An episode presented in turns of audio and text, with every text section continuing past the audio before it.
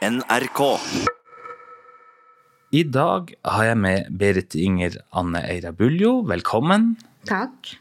Du er helsesykepleier i hjemkommunen din Kautokeino, skriver masteroppgave, og så har du gitt ut musikk, og debuterte i sommer som forfatter om erfaringer du har gjort deg selv i livet. Ja. Vi kan starte med den boka som du ga ut i sommer, som heter Chalme Rakalemis. ja. Er det riktig uttale? Charlotte Merauf Galamis. Ja, det hørtes riktigere ut. Hvorfor skrev du den boka? Eh, Jeg begynte å skrive egentlig eh, etter at jeg mista mitt første barn i 2004. Og så lot jeg det ligge en stund. Og når mitt andre barn, Ane, døde da i 2012, så begynte jeg å skrive mer om følelser som dukka opp, og ting jeg tenkte på. Bare som terapi, egentlig. Dem er englebarn. Først fikk jeg tre gutter, og så fikk jeg tre jenter.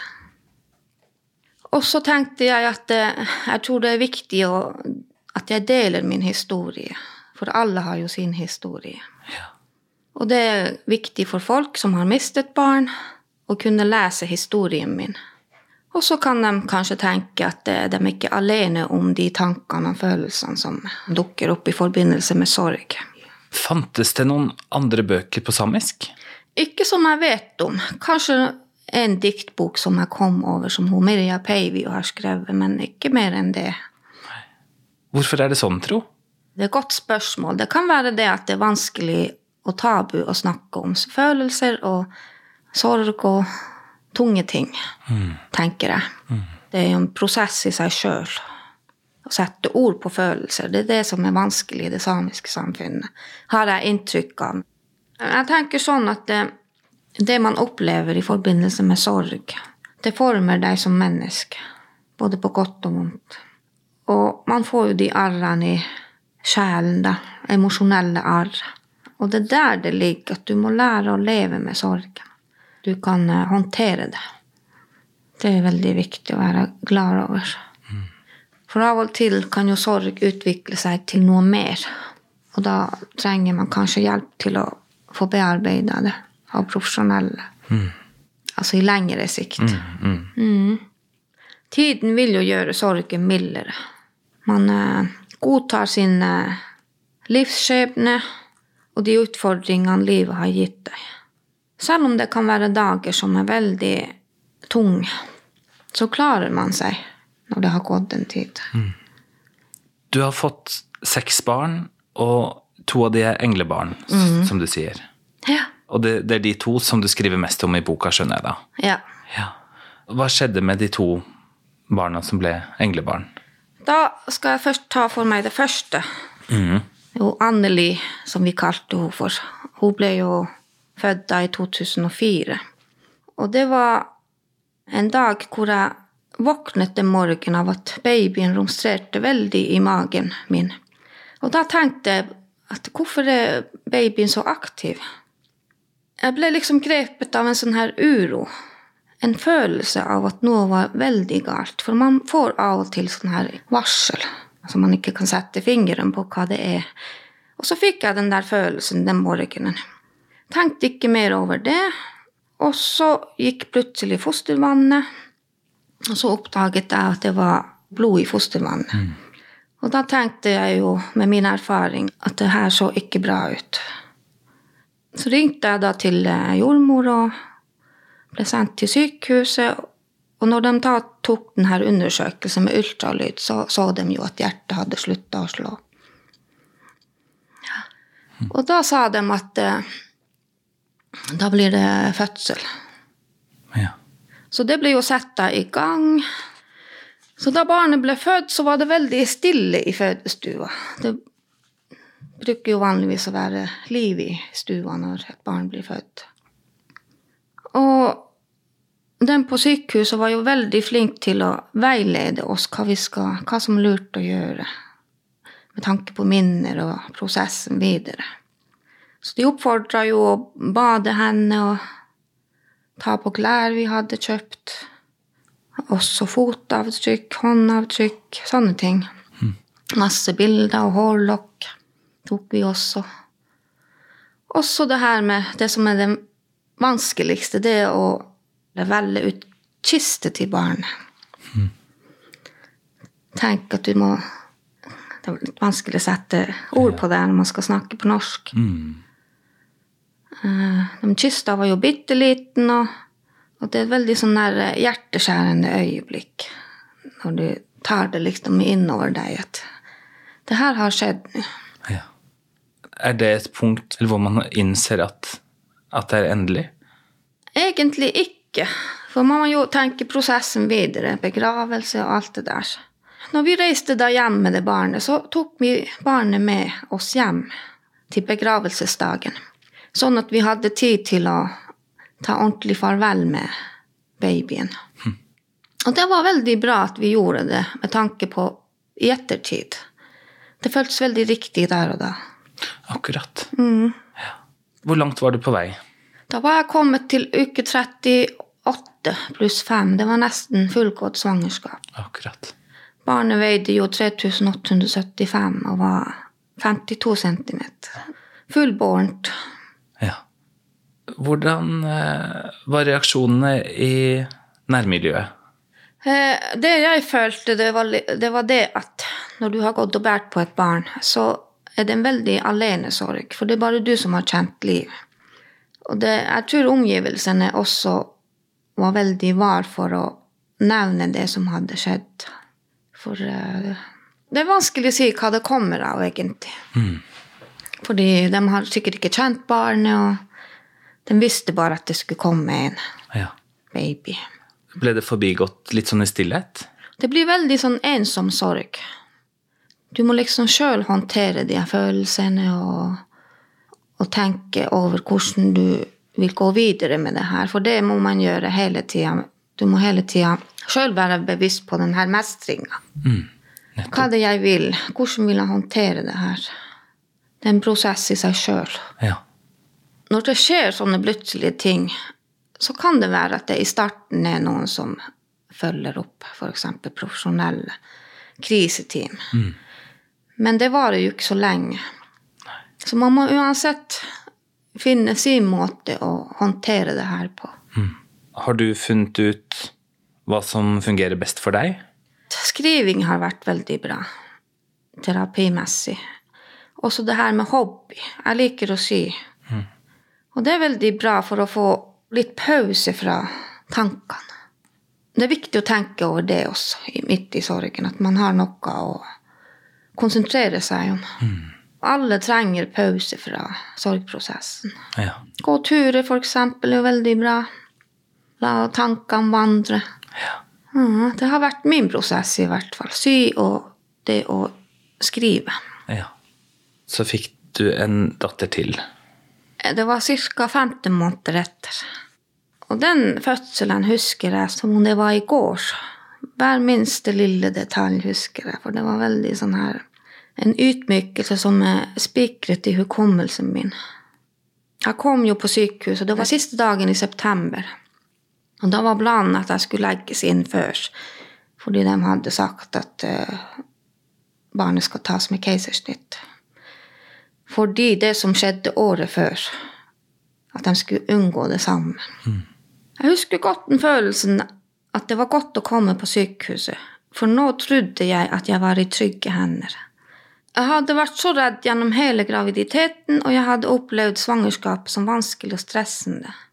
Og jeg hadde gått gjennom det her svangerskapet uten helt å kunne tro at det skulle gå bra denne gangen heller. Jeg hadde sjekket i kalenderen at det var nymåne, og ønsket av den grunn å være på sykehuset litt før, i tilfelle fødselen skulle starte, eller dersom noe skulle skje. Nymåne ble jo brukt som en viktig ledetråd fra gamle dager, for eksempel når en fødsel kunne starte. Man er kanskje mer på vakt på kroppslige signaler eller fornemmelser når det er nymåne.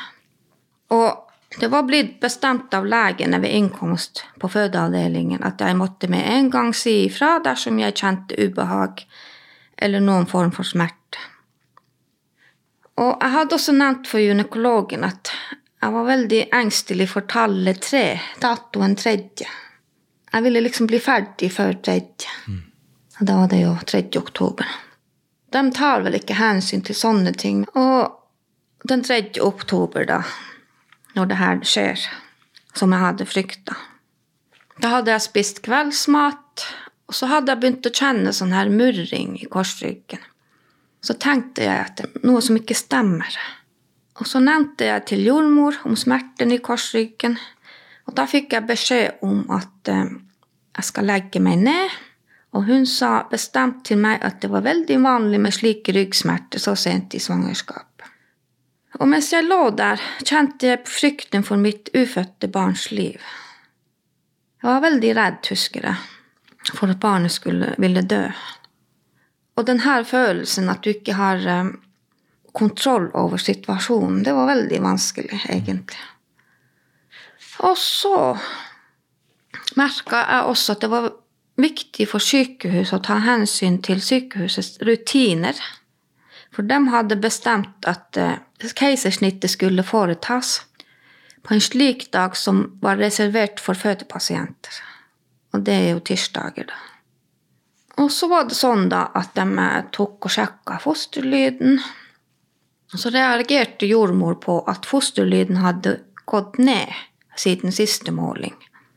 Og da ble hun litt stressa. Da trykte hun på den her alarmknappen og løp ut. Det husker jeg. Men jeg husker ikke rekkefølgen, hva som skjedde. Men det ble i hvert fall bestemt at det skulle tas hastekeisersnitt. Så jeg ble jo tatt med i full fart ned til operasjon. Det gikk ganske fort, egentlig. Men når barnet ble tatt ut, når Ane kom til verden, så hadde hennes hjerte slutta å slå. Så de måtte jo gjenopplive barnet. Så da, det hadde gått en og en halv time fra jeg sa ifra at det er noe som ikke stemmer i magen min, og til barnet ble tatt ut. Mm. Og på den en og en halv timen så skjedde det mye. Mm. Så der burde de reagert umiddelbart? Ja, det er min mening. Så Ane kom jo til verden da i traumatiske omstendigheter. Og når jeg våkna fra narkose etter keisersnittet Det var veldig mye tankevirvar og mye redsel, for jeg visste ikke hva som kom til å skje, og hva som hadde skjedd. Så den følelsen husker jeg den dag i dag. Og det er noe man aldri blir ferdig med, tror jeg. Hm. Mm. Og jeg tenkte da når jeg lå der på oppvåkning at uh, innerst inne visste jeg hva utfallet kunne bli dersom barnet overlevde dette. Og barnet fikk jo hjerneskade etter fødselen. Det var en uh, tabbe som skjedde på sykehuset, som man må lære å leve med i ettertid. Mm. Og livet til Anne Danielle var jo kritisk i noen dager, og livet var truet. Så den første perioden på sykehuset var veldig uvirkelig og ukjent. Så vi måtte ta én dag av gangen for å se mm. hvor det bar hen. Mm. Når fikk du møte henne første gang, da? Det var dagen etter at jeg ble trilla inn på rommet. Der hvor de her babyen lå som var veldig syk. Mm. Mm. Og jeg fikk ikke ta på henne fordi barnet var veldig stressa. Så jeg måtte bare sitte der og se på barnet mitt som lå i en uh, liten kuvøse. Mm. Mm. Det, det er egentlig vanskelig å beskrive med ord. Og man forstår ikke det før man sjøl har vært i den situasjonen, hvordan det egentlig er. For det er mye som ikke kan beskrives. Man må liksom bare erfare det. Mm. Så jeg har nå prøvd å skrive i denne boka om denne hendelsen så godt jeg har kunnet. Og da tenker jeg at eh, i en sånn situasjon, da merker man veldig godt at man får bruke morsmålet sitt. For i en stressende situasjon så finner du ikke de ordene du har tenkt å bruke. For det ble f.eks. sagt at eh, jeg brukte ordet vondt og ikke smerte og at jeg burde hatt en tydeligere måte å si ifra til jordmor om det. Det kom frem i ettertid. Akkurat.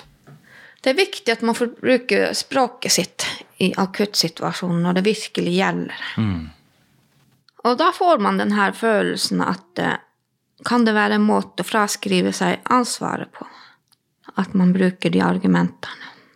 Det her kom fram i en granskning fra fylkeslegen, er det sånn? For du klagde inn saken for fylkeslegen. Ja. Hva konkluderte fylkeslegen med, da? Husker jeg faktisk ikke, men det kom fram at det, det var skjedd ting på avdelingen som ikke skulle ha skjedd. Og så fungerte ikke den her alarmsystemet som den trykker på, så går det alarm til operasjon. Den funka ikke den ettermiddagen. Og det har de skifta ut i ettertid. Men er du bitter i forhold til den behandlinga du fikk, eller eventuelt ikke fikk? Bitter og bitter. Det er jo mange som har spurt om jeg er bitter, men jeg har reflektert veldig mye over det her. Og funnet ut at det Hva er liksom vitsen med å gå og være bitter? Jeg husker at jeg lenge etterpå var sint over at de hadde satt meg i denne situasjonen. Og jeg kunne i lang tid etter hendelsen huske den hjelpeløsheten og usikkerheten jeg følte i den situasjonen jeg var i. Jeg kunne ikke forvente meg fremover hva jeg skulle gjøre, og hva som ville skje. Og på en måte var jo min verden falt i grus. Og når man er i en sånn her stressa situasjon, så er man veldig bevisst på det her at man må jo stå opp og gjøre de tingene man ellers bruker å gjøre, og klare seg. Jeg prøvde jo å virke rolig og tok det tilsynelatende med fatning, men innvendig var jeg helt sånn her ferdig. Etter det første sjokket så kommer jo dagliglivet og hverdagen tilbake i full styrke. Dagliglivet krever jo masse krefter. Og de kreftene får man jo helt automatisk. Man vet ikke hvor de kommer fra. Og det er jo en prosess hvor man av og til føler seg sliten, både psykisk og fysisk. Men når man har levd en stund med det, så lærer man å kjenne igjen de der følelsene. Man lærer å håndtere følelsene og hva er viktig å gjøre i en sånn situasjon. Ble det en form for, for hverdag med, med henne, da? Ja, det var jo et, å leve med et barn som har funksjonshemning. Det er en prosess i seg sjøl. For det er et annerledes liv du lever på Ja. mange måter. Du må hele tida tilpasse deg. Ja. Fokuset er jo på barnets tempo, da. Så hun fikk jo diagnosen cerebral parese med epilepsi. Hun var fullt pleietrengende. ja. Hun ble sju år. Levde i sju år. Og det var i november 2012 hun døde, da. Nå er det snart sju år siden. Og på denne tida så kjenner jeg på meg at det nærmer seg den perioden hvor eh, min kropp begynner å forberede seg til gris. Å ja, akkurat. Så da kan det av og til være at jeg er veldig sånn her stressa. Jeg drømmer mye sånne rare drømmer. For du kan eh, prøve å glemme ting mentalt, men din kropp vil huske. Ja. Så den prosessen har jeg tre ganger i år. Det er i oktober, november og april. Jeg forbereder meg ikke så mye til, til det, egentlig. Det bare kommer, og så går det over igjen. ja. Ja. Kropp og sinn. Det henger i hop. Du har din egen prosess, og man opplever ikke sorger likt. Så det er forskjell fra folk til folk. Og vi er kanskje ikke så vant til å snakke om følelser i det samiske samfunnet. Sette ord på hva er det vi tenker, hva er det vi føler, hvorfor har jeg det sånn? Hva jeg kan gjøre for å hjelpe meg sjøl med det her. Tenker kanskje det inni oss, men vi snakker kanskje ikke høyt om det. Så det blir jo flere typer sorg. Det å miste et barn før det, før det er født, det er en type sorg. Alenesorg. Og det å miste et barn som har vært hos dere en stund, dere har blitt kjent med. Og de minnene som man sitter igjen med, det er også en type sorg. Også å leve med et barn med spesielle behov, det er også en sorg som man ikke snakker om i det samiske samfunnet, har jeg inntrykk av. Akkurat. Og der kan det også være mange ting som spiller inn. Hva har du tenkt her, da? Eksempel det at man skal godta ting. Det var din eh, livsvei. Så du skal akseptere det, og så må du ja, klare deg så godt du kan. Ja, Birgen. Birgen, ja. Mm. Men i hvert fall denne prosessen å leve med et barn som har spesielle behov, det har også lært meg masse på hvordan det egentlig er. Hva det handler om. Og det er den erfaringa jeg tar med meg videre i mitt arbeid som helsesykepleier. Var reaksjonene du fikk fra samfunnet rundt deg, var de annerledes andre enn første gangen? Etter at Ane Danielle døde, da hadde jeg bestemt meg for at jeg skulle ut i samfunnet. Jeg skulle gjøre alt jeg gjorde til vanlig. Fordi da visste jeg hva jeg gikk til på mange måter. Jeg kunne forberede meg. Jeg var bevisst på ting, hva som kunne skje, hvordan folk kunne være. Når du opplever å miste barnet ditt, du blir kasta ut i en situasjon der du aldri har vært før. Og det er helt umulig å tenke seg hvordan skal du håndtere det her. Hadde du noen å snakke med? Jeg hadde noen venninner som jeg snakka ofte med, eller noen nære personer. Og det er viktig hvis du har én eller to som du kan snakke åpent med. Det trenger ikke være så mange. Men hvis du får den der følelsen at du får eh, snakke fritt om det du føler, og hvordan du har det, så er det veldig befriende på mange måter. Du har jo gitt ut boka her på samisk, men så skrev du den på norsk, og så har den blitt oversatt senere til samisk? Ja, jeg følte i hvert fall det sånn at det var lettere å skrive på norsk med tanke på det som handler om følelser, og det faglige. Og når jeg satt der og skulle prøve å skrive på samisk, så erfarte jeg det at det var vanskelig å finne de riktige ordene. Hvordan skal man definere det her? Hva blir rett, liksom? Så deler av denne boka er skrevet på norsk, og så er det deler som er skrevet på samisk. Ja, akkurat. Men betyr det at man på samisk mangler ord og begreper som beskriver nyanser av sorg? Det kan være det at det mangler ord, eller at man ikke er bevisst på hvilke ord man kan bruke. Men eh, jeg har inntrykk av at ungdom bruker sosiale medier når det er snakk om å åpne seg. At de kanskje skriver mer om, om sine følelser og alt det der. Kanskje kulturen er i endring, og at de tør å vise sin eh, hva man skal si, svakhet. Ja. Og Berit Bongo har jo skrevet doktorgrad om det her, hvor hun har forska på det her med Samer snakker ikke om sykdom og helse. Det kan i mange tilfeller oppleves som uh, upassende. ja. At man snakker åpent om ting som angår en selv. Hvordan er det å, å sitte og snakke med en fremmed fyr om det her nå, da? Jeg syns det går veldig greit, fordi jeg har snakka så mye om det her at jeg, jeg er, er ikke der lenger. Nei. Jeg har bearbeida det så mye, jeg har jobba med det her så mye, skrevet om det. Og, så det, jeg takler det bra, egentlig. Hvilke reaksjoner har du fått på at du har skrevet bok, da? Stort sett bare positive reaksjoner, men det, det har vært noen negative også. Hvorfor har du skrevet bok om det her, og så åpent fortalt om din eh, sorg? Jeg fikk den følelsen av at de personene som sa det, liksom mente at det var ikke passende. Og de positive, det, der har folk sagt at det er veldig bra at det er skrevet bok om det her. De har lært masse. Og det er viktig at man eh, setter ord på vanskelige ting. Det er det de, de har kommentert.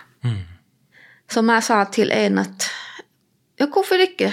Hvorfor skal man ikke skrive om vanskelige ting? Ja, jeg må jo være den først. Berit Inger Anne Eira Buljo, tusen takk for at du var med i Tett på. Jeg heter Svein Lian. Tett på fra NRK Sápmi er produsert av En til En Media.